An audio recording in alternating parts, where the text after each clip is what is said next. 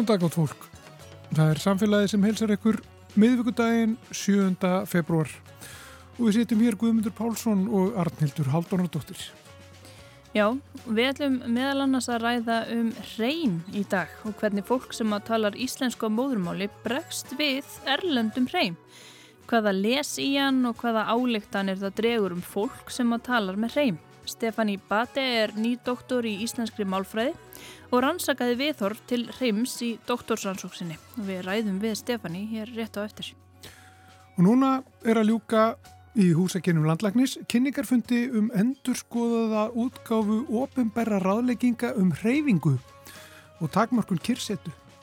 Helsta breytingin frá fyrir ráðleggingum er meðal annars að nú eru ráðleggingar fyrir fatlað fólk sérstakur liður í útgáfunni.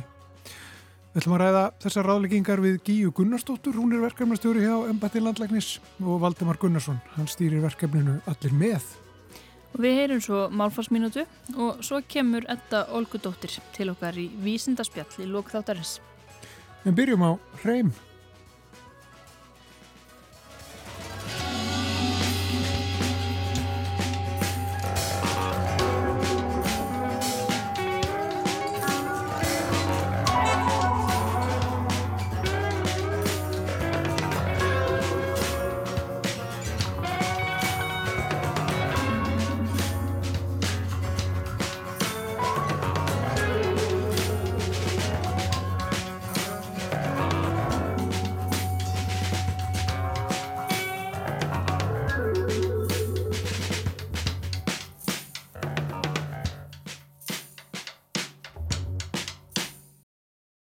Hingað í samfélagið er komin Stefani Bate, nýdoktor í íslenskri málfræði og aðjungt í íslensku sem öðru máli við Háskóla Íslands.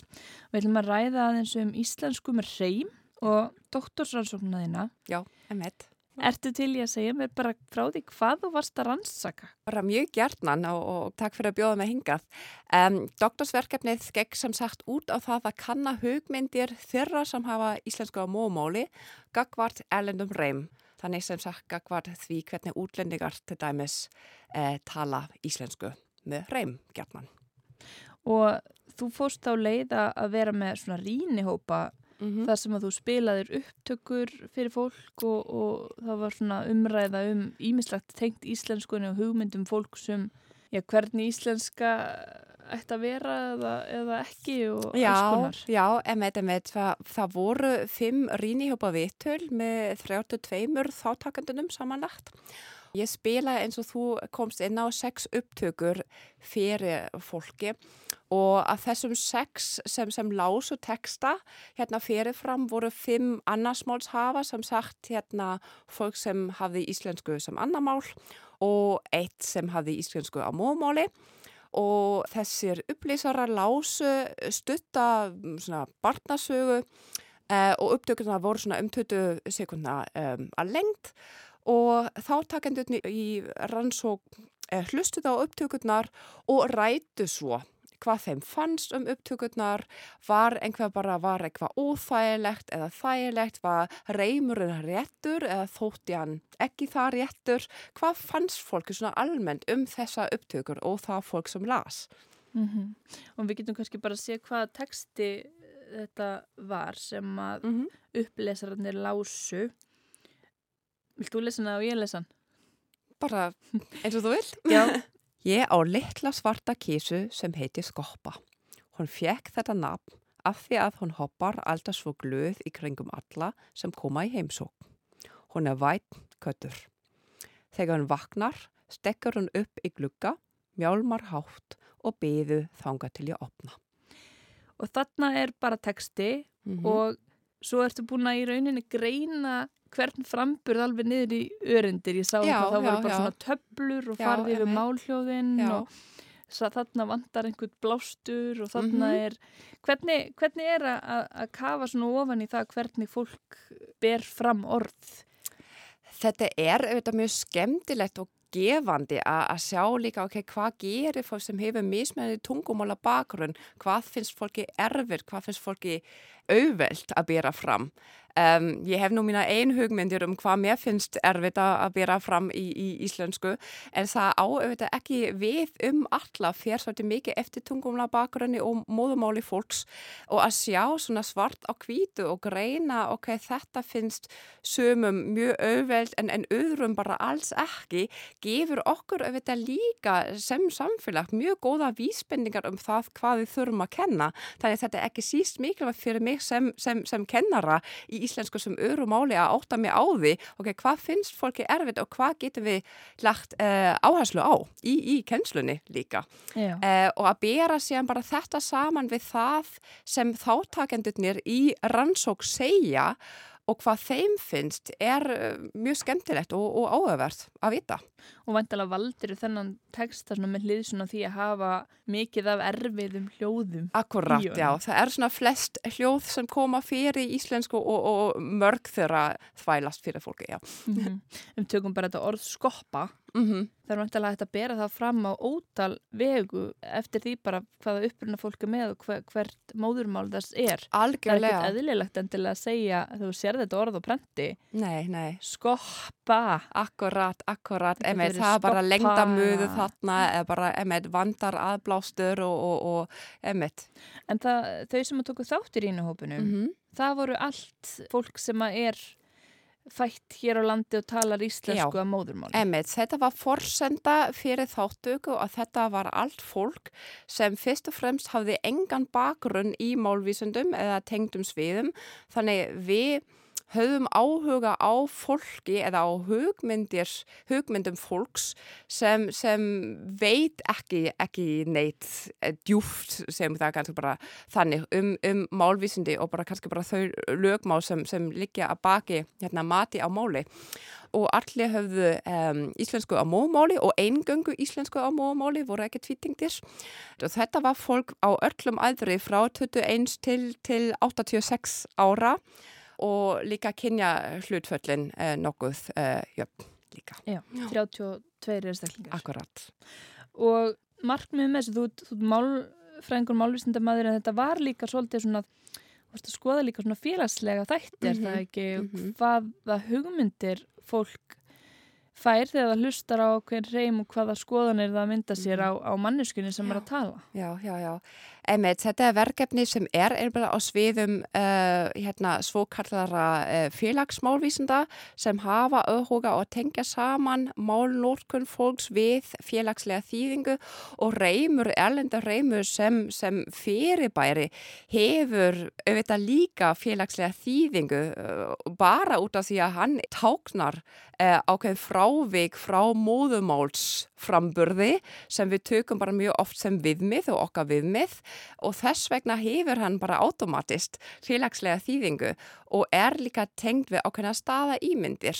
Þannig að bara málnórkun er alltaf tengd við einhverja hugmyndir um það fólk sem tala eða nota málið á einhvern hátt og þetta var eiginlega bara eðli eða bara svona megin punktur í rannsóknir að finna úr okkur hvaða hugmyndir eru þarna að baki og hvernig getur málnórkun fólks eða bara erlendar reymu kveikt líka á ákveðnum staða ímyndum og hvaða staða ímyndir eru það sem viðgangast kannski kannski sérstaklega hérna í íslenska samfélaginu.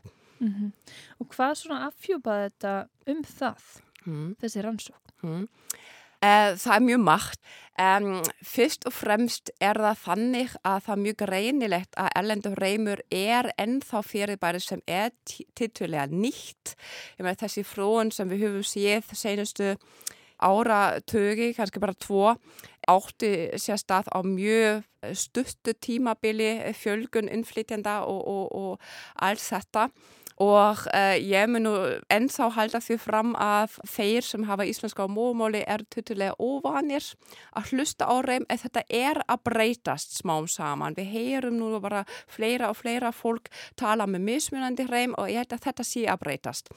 Um, það er samkvæm rannsóknir eða samkvæm niðurstöðunum ákveð umbyrðalendi gagvar þeim sem tala með reym þannig að bara fólk hefur bara mjög er að gera mjög harða kröfu til þeirra sem hafa íslenska mómóli en segja á samahátt ef þetta eru útlendingur sem tala og leggja sér fram og þetta er bara eitt sem er mjög greinilega í, í, í gegnum rannsóknina að það ákveðin viðleitni, ef fólk skinja ákveðina viðleitni í að bera fram, í að læra íslensku, þá fá útlendingarnir einu bara steg fyrir það að leggja sér fram að læra íslensku og þá er fólk umbyrðalindara gagvart reym og gagvart málnótkun innflytenda. Mm -hmm.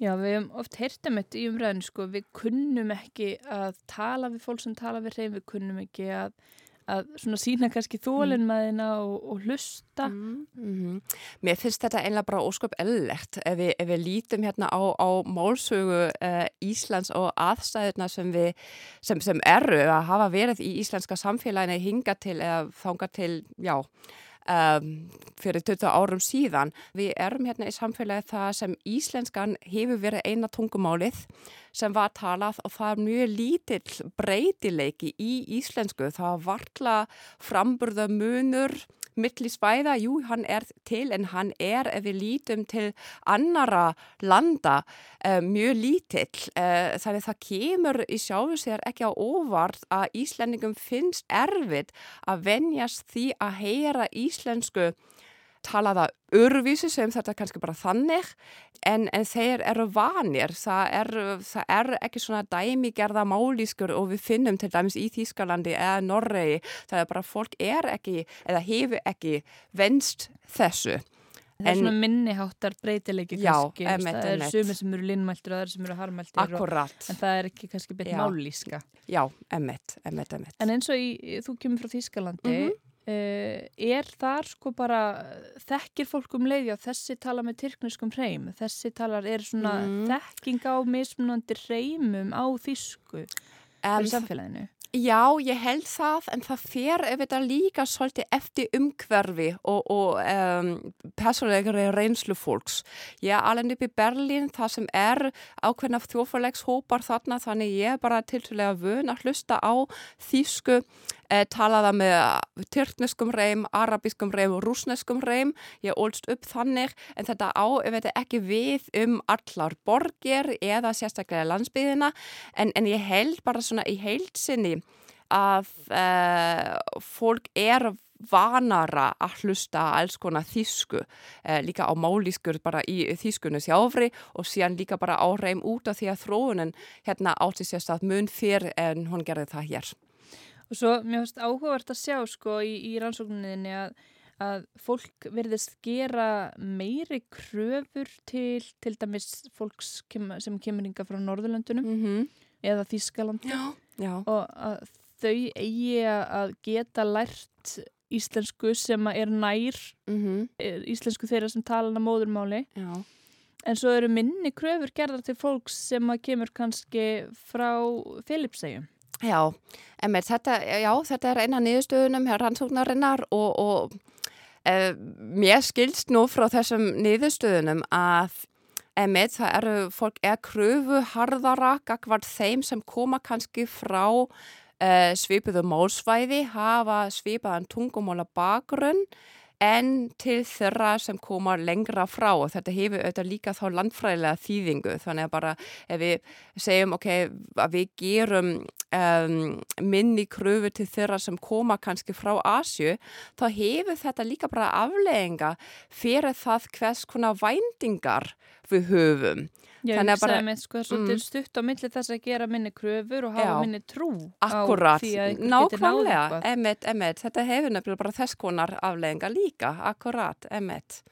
Og þá sko, ef við hugsaum bara um, að því að nú var þáttur í, í sjómarpinu í gærum ræði þátturinn Torg þar sem mm -hmm. var að mhm. fjallum inngildingu innflytjenda og þar var einn viðmælandi í pallborði sem að sagði að hún hefði oft fengið mikið rós fyrir mm -hmm. íslenskuna sína að Já. tala um að það heyrist enginn reymur, mm -hmm. þessi fullkomin íslenska og Já. hún nefndi það að einu hefur lendi því að eh, einhver sem vildi ráða hana til starfa eh, saði, sko ég myndi miklu frekar vilja ráða þig heldur en einhvern með reym þannig er einhvern veginn það hvort þú talar íslensku með reym eða ekki og stundum við talaðum fullkomna íslensku Mhm. eða lítalausa íslensku Já, já, orðið einhvers konar leið til að mismuna fólki eða, eða ákveða þessi betri af Já. því að reymurinn er minni Einmitt, og þetta er bara það sem er kannski svo, svo, svo lúmst með reym að við, við drögum alls konar álektanir um, um tungumálakunnat og fólks út frá reymnum sem, sem er veit, ekki og, og, en, en gerist samt. Uh, þetta er bara þekkt, þekkt fyrirbæri og, marga rannsóknir um það til, hérna sérstaklega erlendis, hvernig fólk lendir í vandræðum í atvinnulegi til dæmis og reymur hefur bara gríðarlega afleðinga fyrir félagslega reyfileika fólks. Þannig bara þeir sem tala eins og þú segir, bara kannski við minni reym, bara það sem reymurinn er veikari eða er það reymur sem við þekkjum frekar. Það getur líka verið að við erum frekar til að treysta þurri mannesku en einhverjum sem tala með sterkum reym eða með reym sem við þekkjum ekki eða höfum ákveðna hugmyndir um. mm Þannig að þetta er, já, eitthvað sem skiptir miklu máli og fólk náttúrulega kannski, sko, ef að ég til dæmis tala, ef ég ætla að tala einhver tungumál sem er svolítið mikið frábriðið íslensku þegar Mhm. kemur að reym og ég næ ekki að gera það á þess að það heyrist Mhm. sterkur reymur, sko, er hægt að gera þá kröfu til fólks að það ná einhvern veginn að afmá reymin og Mhm. mingan eða er það stundum bara ekki hægt af því að það er svo mikill munur á tungumálunum. Já, um, bara stuttasvarið er það ekki hægt. Emmett, ég meina það, það eru bara alls konar rannsóknar og teóriu til um, um það að það sérstaklega hjá fullt orðnum sem til enga sé erlendmál er uh, sérstaklega erfitt að ná uh, móðumóts framburði Um, og það spila auðvitað bara alls konar annað líka inn hérna, um, um uh, mótanleika heilans og, og alls konar þætti. Hvernig er, er, uh, er erlendamálið uh, notað mikið eða ekki? Hefur fólk tækifæri til að æfa sig í því máli eða ekki? Það er líka sjálfsmyndum sem spila inn í þetta og viðhorf til málsins. Það er þetta bara alls konar samspil af mismunni þáttum sem geta sér dreigð úr reym en að einhver sem lærir erlend tungumál á fullorðins árum tali án reyms er tittulega sjálfgæft. Já, og reymur eins og segir þetta er hluti af bara menningalegri og, og þinni sjálfsmynd að, að þú talar með reym sko. Já, já. og líka það að þessi tenging kannski sem að mér fannst svona eins og þegar ég las ég las nú ekki allar rannsóknuna og Mhm. svolítið margur kundur blaðsir en, en þegar ég las rannsóknuna þá svona fannst mér eins og Íslendingar hefðu kannski tilneingu til þess að hugsa ok, þessi tala með litlum hrein þá er hún, þá er hún duglega tengja Mhm. það að minka Mhm. hreimin og ná einhvern veginn að tala nær Mm. íslenskum móðumálsframburði við Mhm. dugnað Já, já, emmitt, akkurat emmitt, ég held að þetta sé bara líka mjög góð samantækt á því sem, sem gerðist í rannsókninni, að það er bara fólk tengir einhvern veginn hérna veikan reym við góða íslensku kunnáttu yfir höfuð Uh, sem þarf ekkert endilega að vera. Einhver sem tala með mjög sterkum reym getur verið mjög góður í öllum beigingum í máfræðinni, í orðavali og, og alls konar annað sem við kemur hérna málnótkun uh, en, en, en reymur er svo ábyrrandi það er auðvitað, hann er það fyrsta sem við skinnjum, bara fólk opna munnu og tekur bara oft bara innan við sekundu að átta okkur á því að einhver tali með erlendum reym, þannig að þetta er svo svo ábyrrandi fyrirbæri og, og við gerum alls, við erum alls konar væntingar út frá þessum fyrstu sekundum sem, sem eru ekki alltaf raunin í samkvæmt, já. Mm -hmm. Og svo er mitt sko, kannski ef maður heyrir íslensku talaða með hreim sem maður hefur aldrei heyrt áður -hmm. og kannski svolítið miklum hreim og þá þarf maður kannski að leggja meira á sig til þess að skilja. Maður þarf vel að svona bara alveg að sperra Já. eirun Já. og, og leggja sér fram við, að, Mhm. við að ná því sem að hefur verið að segja. Mm Þetta líka, það hversu mikið fólk þarf að leggja á sig, það hefur einhver áhrif verið vera samkvæmt rannsókninni á, á viðþorfin. Já, það finnst fólki óþægilegra að hlusta á reym sem, sem krefst mikill að innbeitingar. Þannig ef ég þarf að leggja mig fram til að skilja það sem sagt er, þá hefur það aflegginga fyrir það hversu þægilegt með finnst einlega bara að eiga samskipti við, viðkomandi mannesku sem er kannski ekki það fráleit að, að það er auðvitað þreytandi að þurfa að einbeita sér að ná innihaldi þess sem, sem viðmælandin segir. En þetta bara beint tengd við ákveðna tilfinningar um, um þægindi hvers, hversu þægilegt það er að hlusta á viðkomandi. Og þá spila örglega bara inn hversu, hversu vand fólk er að hlusta á viðkomandi hreim. Já, þannig ef ég hitti einhverju manneski fyrsta skipti og mm -hmm. tala við hana og það Já. er svolítið, ég þarf svolítið að leggja mig eftir mm -hmm. öllu sem er sagt, mm -hmm. en svo kannski er ég búin að tala við hana þrjus og fjóru sinnum og það verður að vantala mjög fljótt, nákvæmlega, miklu auðvitað. Nákvæmlega, emmitt og það sýnir líka bara rannsóknir að það er þannig.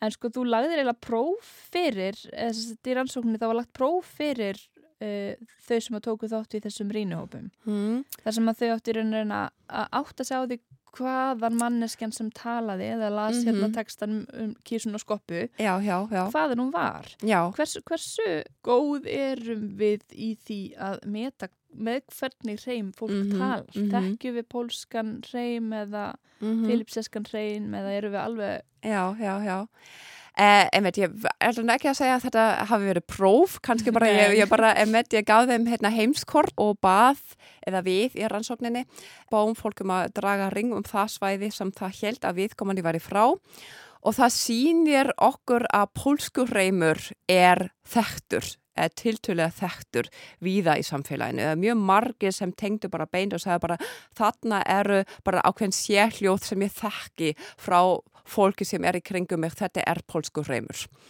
Svo er líka danski reymurinn uh, hjá þeim sem, sem hafa mikið með dönsku að gera átt að sé líka strax á, á dönskum reym. Sama má uh, að hluta til segja um bandariska, um bandariska reym.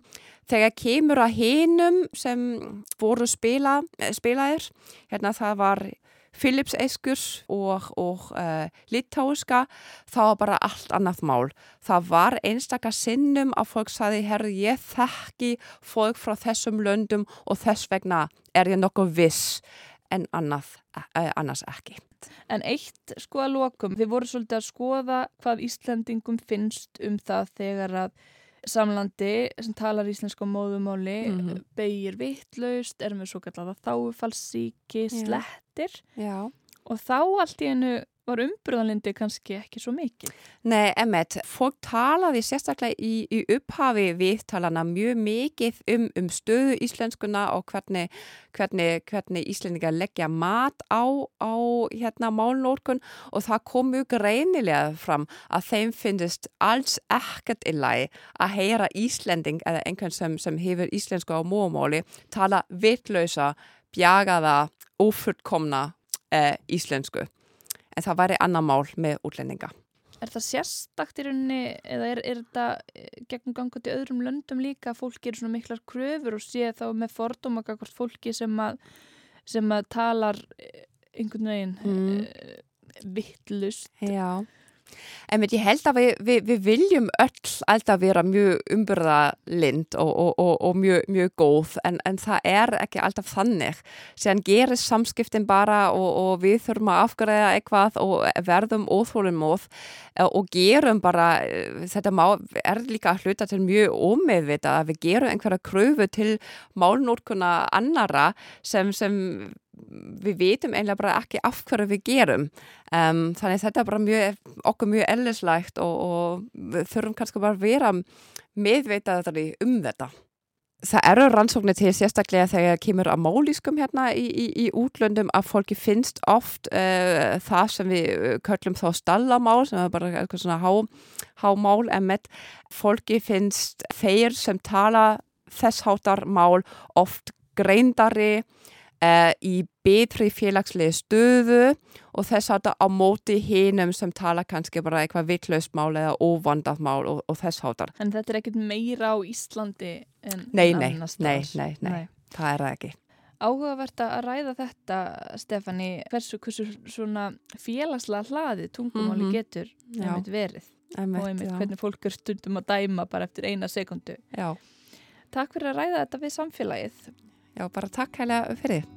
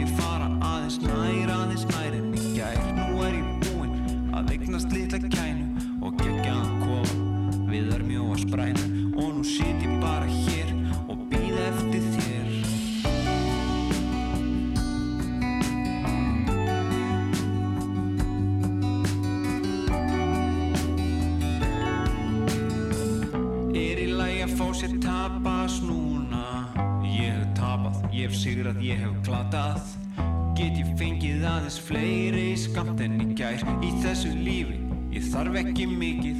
Ég væri samt alveg til í að losna við stritið. Og allt arga þras um ekkert að viti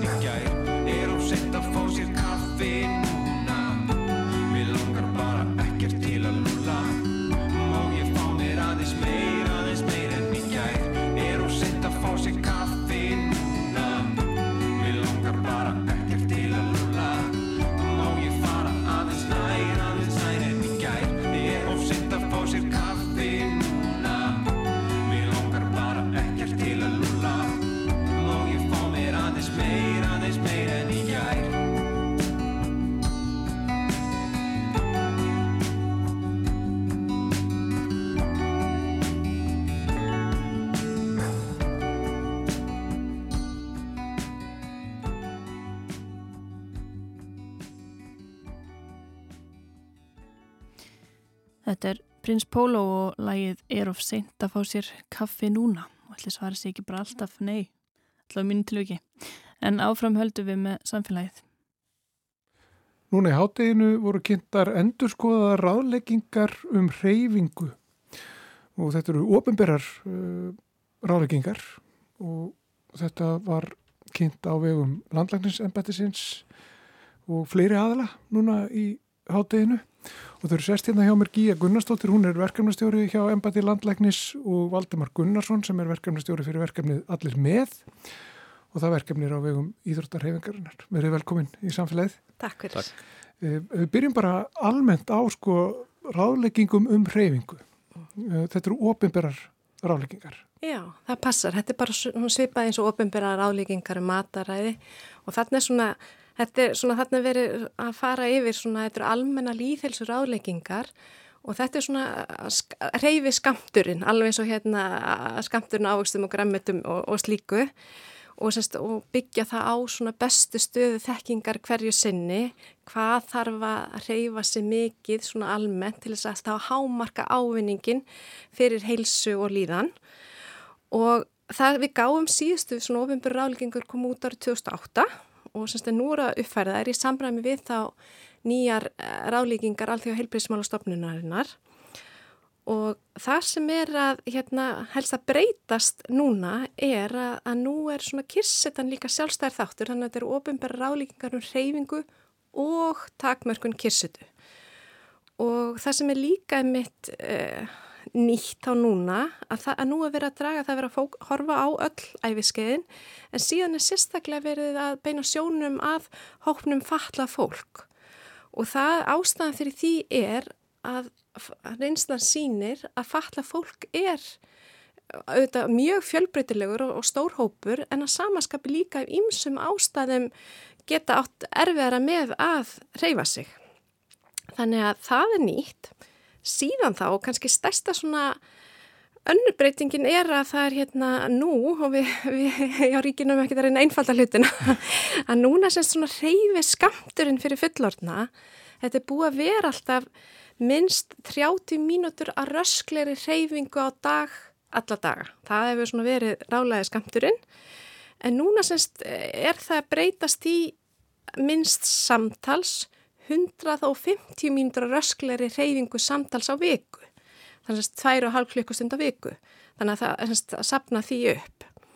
Og hérna þannig að það er alveg eins og núna og einmitt lífslaupi er að opna núna samhliða og það er verið að sapna saman fjölda sem maður reyfi sér minst 30 myndur þannig að þá alveg eins og í lífslaupinu þá getur maður reyft sér í 5 daga til þess að uppfylla þennan skamt Svo erum við líka að leggja áherslu það að draga fram ákjæðin í reyfingum. Maður getur hérna, þetta er allt frá því kirsetan að þá er maður hérna liggumadur eða situr og, og lítil hérna orkunótkun nema náttúrulega eins og hérna svona almennt en svo hérna en síðan þá getur maður aukið orkunótkuna, það er hægt að auka orkunótkuna eins og þetta eins og fyrir fólk með líkamlega föllun að fara þá að staði í hjólastólum sínum og dansa og gera eins og hluti.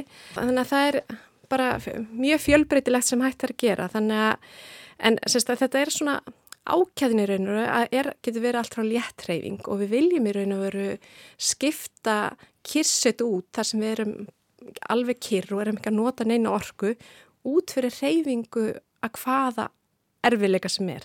Þannig að það er léttreyfing bara sem mest og síðan þá er það þessi rösklega reyfing. Þá erum við farin að láta hjarta svolítið pumpa meira eins og rösklega ganga eða eitthvað slíkt og svo er það þá kröfturheyfing þar sem við hérna, erum að hérna, reyna enn meira á okkur og þá kannski förum að mæðast meira og jafnvel koma sviti. Þannig að við erum, svona, við erum að rín, líka að leggja áherslu í þessari útgafi að reyna fræða fólk um mismundi stig hreyfingar hérna, og, og einmitt þetta það er bara takmörkun kissetu, það er líkilskilabóðin, takmörkun kissetu, öll hreyfing skipti máli og að þannig að bara allir gerir sitt besta en síðan er þá mjög gott að eins og fullornir þá leytist við að ná allavega 150 myndum samtals af svona rösklir reyfingu eins og rösklir í gungu og þá að börn, það er svona samfélagar álíkingar núna áfram fyrir börnin minnst 60 myndar röskleri til kröftur í reyfingu á dag að meðaltali yfir vikuna. Og Og sama fyrir eldra fólk, að það, svona, það eru sömur álíkingar fyrir eldra fólk og fullorna, en núna semst það líka þessi aukin áhersla á styrkþjálun og í raun og veru fyrir alla hópa. Að fullornir hérna, og eldra fólk um, minnst tóta vikunar hugi að því að, að láta hérna, að styrkja vöðvana. Þannig að það er svona það sem er kannski ekki síst nýtt og svo bara eins og þá, þetta eru sem sagt hérna uh, sex hópar sem við gefum út ráðlíkinga fyrir öll æfiskeiðin og síðan erum við þá eins og ég sagði á þann að taka með sérstakann fókuns á fólk með föllun og svo þá líka eins og meðgöngunni.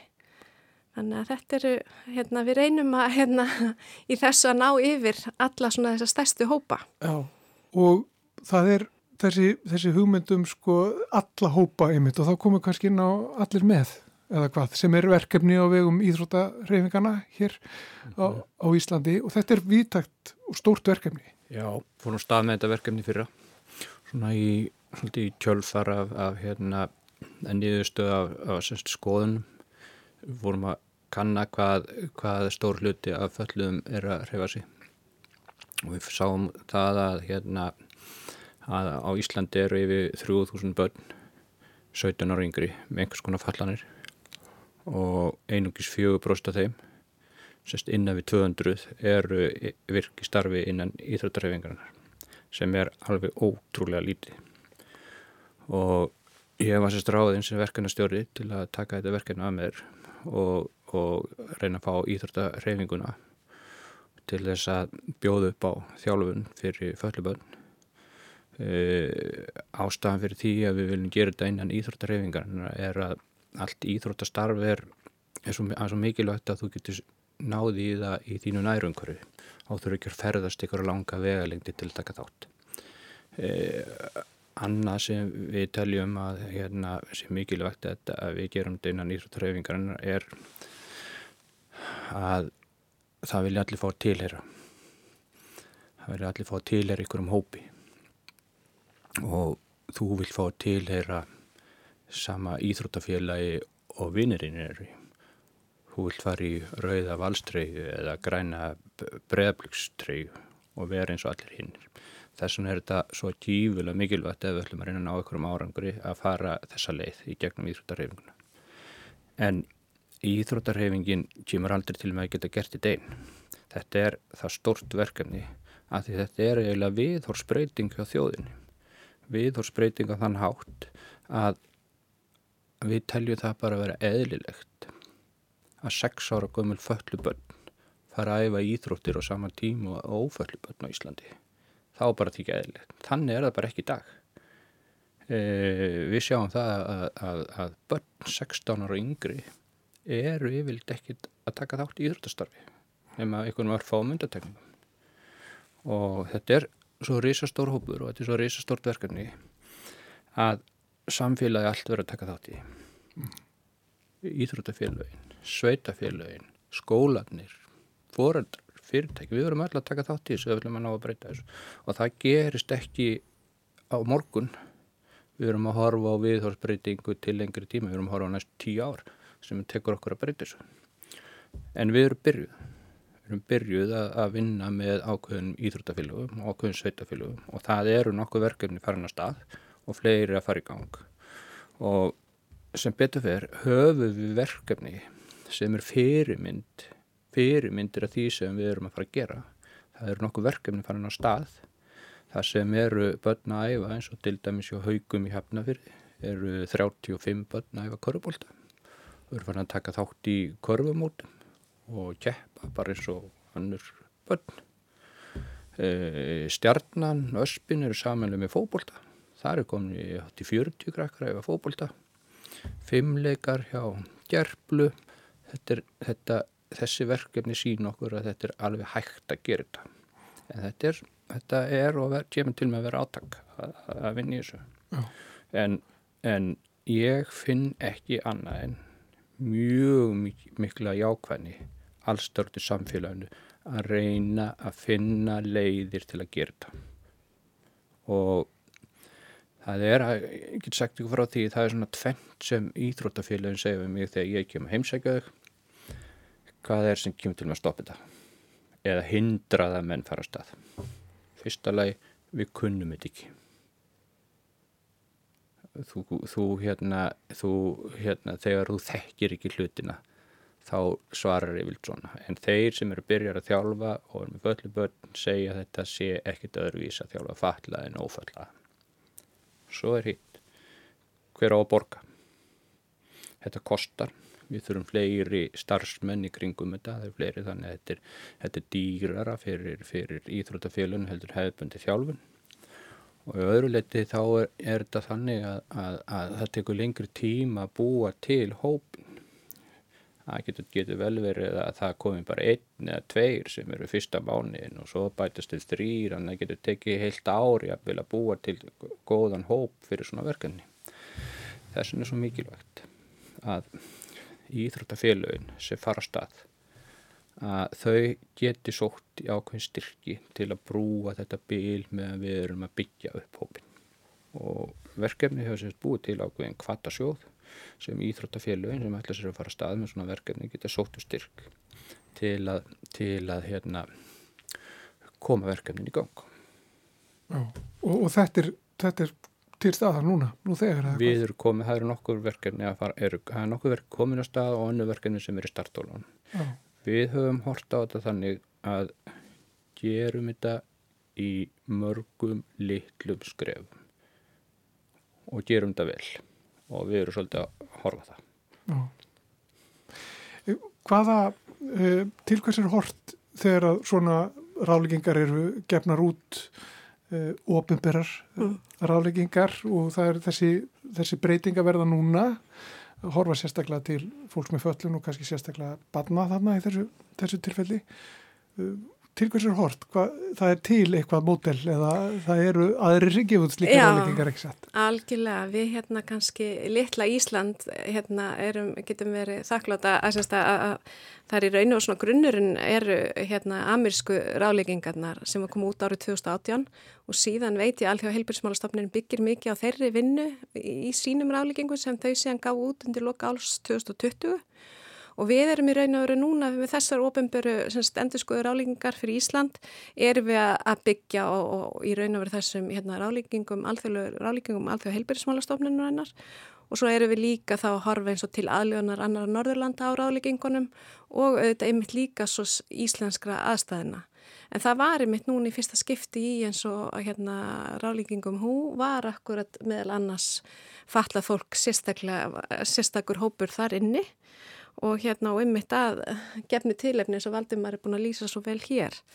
Og hérna en já en tilgangur nesist og ég legg ríka áslag að þetta eru almenna ráleggingar og síðan náttúrulega bara geta heilsa og lífsaðstær fólks verið svo ólíkar á ólíkum æfiskeiðum, ég held að þekki allir sem hafa eignast börn og gengi bara ímsa breytingar og áskorun lífinu. Þannig að við leggjum áslá að hérna er svona þessi almenni skamtur sem er lagður á borði og svona almenn markmið sem að fólk getur þá hort til byggð á bestu stöðþekkingar en síðan er þá bara aðal atrið eins og segjum að takmarka gissutu öll hreyfing skiptir máli og svo bara svona svolítið aðlaða sig að aðstæðan hverju sinni og þá bæði en það er svo frábært bara eins og fyrir flesta ef það er mögulegt virkur ferðamáti, ganga hjóla, það getur frábær leið til að svona fylla upp í hreyfiskamtinn sinn.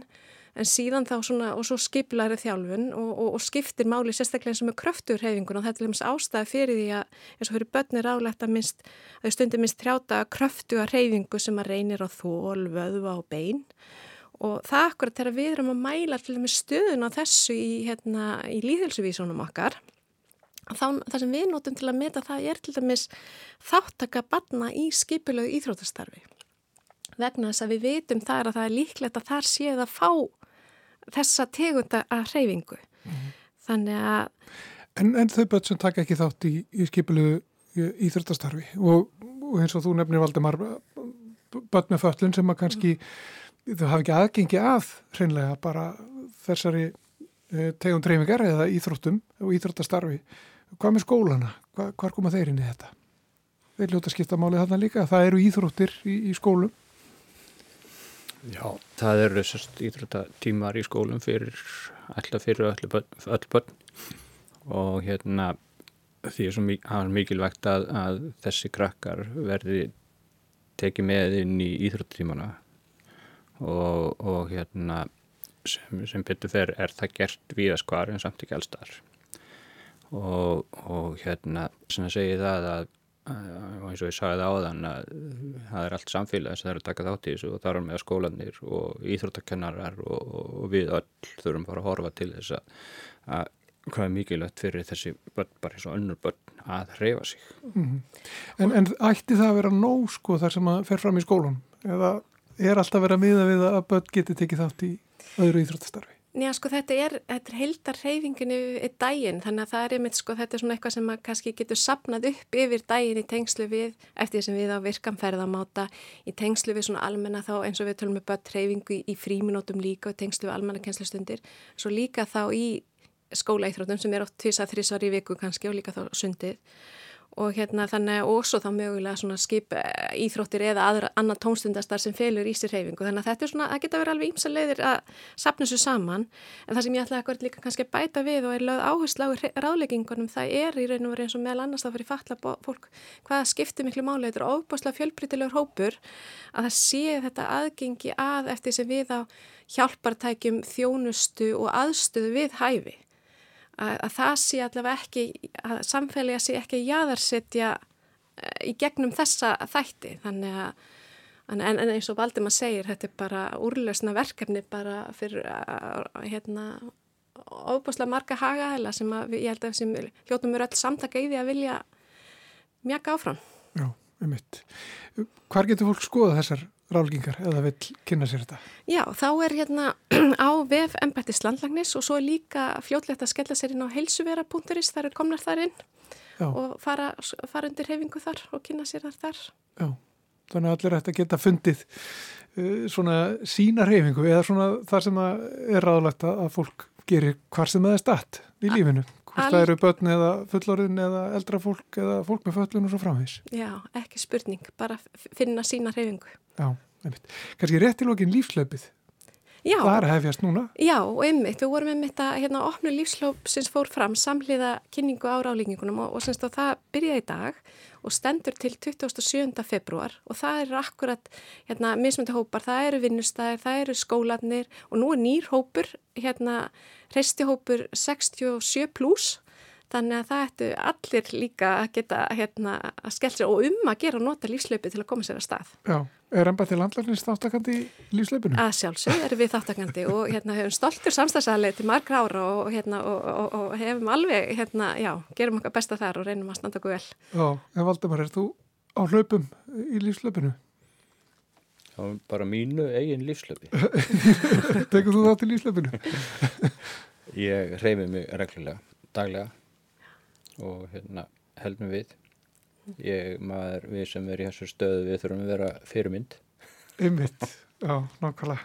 Afreks almins í þróttafólk Einmitt, nákvæmlega. Takk fyrir komuna, eh, Valdemar Gunnarsson og Gíja Gunnarsdóttir eh, og gangi ykkur vel með þessi, þessi stóru verkefni sem að þið eru að, að vinna í núna. Takk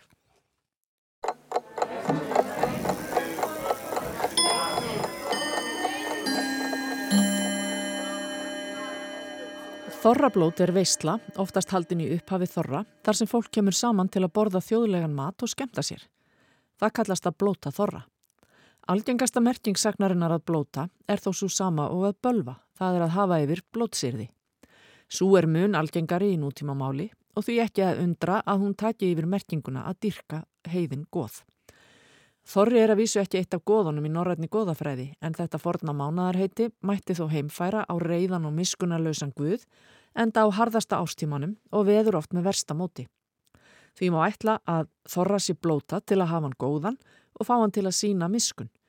Þess konar blót félur ekki í sér kristilegar formælingar með ýmsum nöfnum þess í neðra.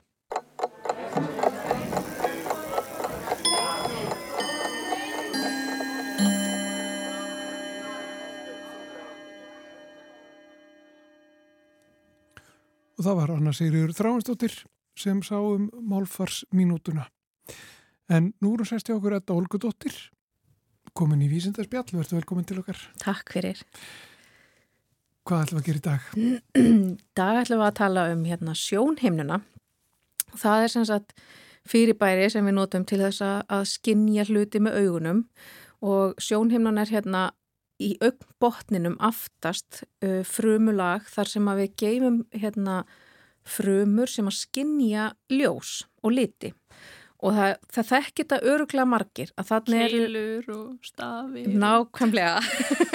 Það er eiga heima þannig í sjónheimni Stafirnir eru hérna frumur sem að skinja ljósið og til þess að gera það að þá eru þar með prótín sem að heiti rótopsín og það örfast við hérna ljósið og sendir, setur á stað ákveð ferli inn í frumunni sem að sendir svo bóð upp í heilan um það hvað við erum að sjá. Og hérna hinnar frumunnar, keilur, sem að búa þarna líka, þær eru mjög svipaðar, uh, hafa svipaða virkni nema þeirra hérna, hlutverk er miklu meira að skinja litina og þær eru þá með svipað prótín eins og rótopsin nema þeirra prótín heitir sko opsin og þau örfast mismunandi eftir því hvaða bylgjulengt ljós við erum með þannig að skinja, þannig skinja litina því að, að, því að hérna, ljósið, litirnir eru náttúrulega bara ljós og mismunandi bylgjulengt og það eru þrjár típur af keilum í mannaaugum uh, og þær eru, típunar eru sem sagt byggðar á því hvers konar opsin þær eru með og opsinin, hvers konar opsin þær eru með byggist á því hvers konar hérna, bylgjulengt þær skinja og við erum þá með sko opsin sem að heitir S-opsin af því að það S-i stendur fyrir stutt eða short. Og það er hérna það prótín örfast sem sagt við það sem maður kalla blátt ljós og þar, þar á litrófinu. Svo erum við með M-opsin sem er eiginlega bara miðlungsopsin eða hérna medium. Og það hérna örfast við um það bil græntljós og svo eru við líka með L-opsin sem er þá langt, langarbilgjur og, eða long og er þá hérna raukt ljós. Og það er svolítið sérstakt. Það er ekki allar dýrategundir með þetta L-opsin. Og eins og við höfum oft heilt talað um sko hundar til dæmis eru litblindir og sjá ekki sama litróf og, og maðurinn. Og við vitum það ekki að því að einhver bara spurði hund hvaða litur, hvað litur á sem bolta eða hvaða er sko heldur vegna þess að við gátum séð hvaða opsin eru til staðar e, í, nei, í sjónhimnu hérna hundana. Uh, en svo er sko þegar að sjónhimnan er að þroskast að þá uh, er ákveðið hvaða opsin er tjáð í hvaða keilu til þess að skilgreina hvaða liti keilunar eiga að skinja í framtíðinni. Og þetta gerist bara í fósturþroska og, og hérna þannig að þær ná sínum þroska og eru svo bara með sína, sitt litróf þar sem eftir er lífsleiðar okkar. Uh, og S-opsinnið, það er hérna þetta sem skinnir bláaljósið það er til turlega svona vel skilgreint hvernig það þroska, hvernig það kemur til og það er hérna eh, tjáningin og því er sett á stað með einhverju skjaldkirtilshormóni og hérna og þá þroskast eh, S-opsin keilurnar og það er fara á sína staði í í raun og veru sjónheimnunni. En svo er það með M-opsinu og L-opsinnið það eru hérna rosalega lík gen og S-opsinnið er mjög, hérna, er ekki jafn líkt og, og hinn tvö. Og það er líka þar að auki sko staðsett á litningi 7, hérna S-opsinnið, á meðan M og L-opsinnin, þau eru staðsett á X-litningi. Og þau hafi kannski heyrt einmitt að hérna litblinda eh, er svona kynbundin, eh, erfist kynbundið vegna þess að, að hérna þessir, þessi gen eru á X-litningi. Og þar að leiðandi eru kallmenn eh, meira útsettir fyrir að verða litblindir vegna þess að þeir eru bara með einn x-litning. Þannig að ef að þeir fá gölluð gen þá kemur litblindan fram á meðan að konur þyrtu þá að fá gölluð gen frá á tveimur x-litningum af því þær eru með tvo. En þessi gensansat eru rosalega lík og hérna það hefur verið svolítið svona á huldu hvernig eiginlega hérna, frumurnar ákveða hvort það er ætla að skinja græntljós eða rauktljós uh, og líka vegna þess að það er, hefur svona hinga til ekkit verið mjög auðvelt að sjá hvort að keilan er hérna, skinjar grænt eða rauktljós það er að segja hvort hún er að tjá M-opsin eða L-opsin. Um, en það var sem sagt uh, rannsóknarhópur sem er við John Hopkins háskóla sem að var að skoða, uh, í fyrsta lagi voru það að skoða sko bara sjónhimnur úr fullornum einstaklingum til þess að skilgreina hversum, hvernig dreifingin er á þessum M og L-opsin uh, prótinum í, í sjónhimnunni. Og þau sjá til dæmis að hérna, M-opsin keilur að þær eru uh, miklu svona hérna, þjættari í miðju sjónhimnunni á meðan að L-opsinnið er meira til út í jæðreinum og miðjan á sjónheimni, hún hérna þroskast á undan þannig að það er eins og út frá því draðið þá álygtun að M-opsin keilurnar að þær verða til fyrr í fóstuþróska heldur en L-opsin keilurnar. Svo fenguðu líka þar að ekki hérna, sjónheimnu síni úr fóstrum og voru að skoða þar sko á hvaða tímapunkti þau sjá tjáninguna á þessum genum og hérna myndunina á uh, þessum keilum, það er að segja þess, þennan þroska á keilunum og sjá þá sem að staðfestir í raun og veru það sem að þau sá í fullorðins sjónheimninni að hérna M-opsin hérna keilurnar að þær verða til fyrr í fóstuþróska og þegar þau skoða svo aðeins hérna svona bakunin líka, bara hvaða gen er að fara af stað á ákveðnum tímapunktum í fóstuþróska þá gáttu þau svona að hérna, nelt sér niður á það að mögulega er þarna uh, efni sem að heiti retionic acid sem að kveikir á tjáningunni á M-opsin hérna geninu. Og það sem er líka nefnilega svo skríti við þessi tvö gena því að þau eru bæði rosalega lík en þau eru líka alltaf, hefur staðsett á sama litningi og eru mjög nálátt hvort öðru og hérna, heyra undir sömu stýrilræðinar og stýrilröð er sem sagt það sem að, að hérna, stýrir því hvenar tjáning á geni fer fram þannig að það er hérna það þarf eitthvað svona auka utanakomandi þátt til þess að ákveða hvenar áttu bara tjá M-opsinið og hvenar áttu bara tjá L-opsinið. Og þarna sjáðu að þetta hérna, retionic, retionic acid kveikir á tjáningunni á M-opsininu þegar það kemur til sögunar snemma í fóstuðþróska. Svo mingar eh, styrkurinn á þessu efni og þá fara L-opsin e, keilunar að þroskast og þær fara þá aðeins út í jæðarinn á sjónheimnunni vegna þess að það er þá sá hérna partur af sjónheimnunni sem er að þroskast á þeim tímapunkti. Og svo til þess að staðfesta þessar niðurstöður að þá gerðu þau hérna svona sjónheimnu líki eða gerðu þrývíða frumuræktun. Uh, ég held að eitthvað starf heyrði ég að þetta var kallað sko líffæra lingur, sjónhimnu lingur uh, og hérna að þá væri þetta bara svona lítil sjónhimna sem að hermir eftir því sem að við erum að hérna, sem að myndast hjá okkur og svo gera þau bara tilraunir þegar þau eru að láta sjónhimnuna þroskast, prófa að setja þetta efni út í hérna, út í frumuræktununa og sjá hvernig frumunar bregðast við og hvort að þær eru þá að mynda M-opsin keilur eða L-opsin keilur.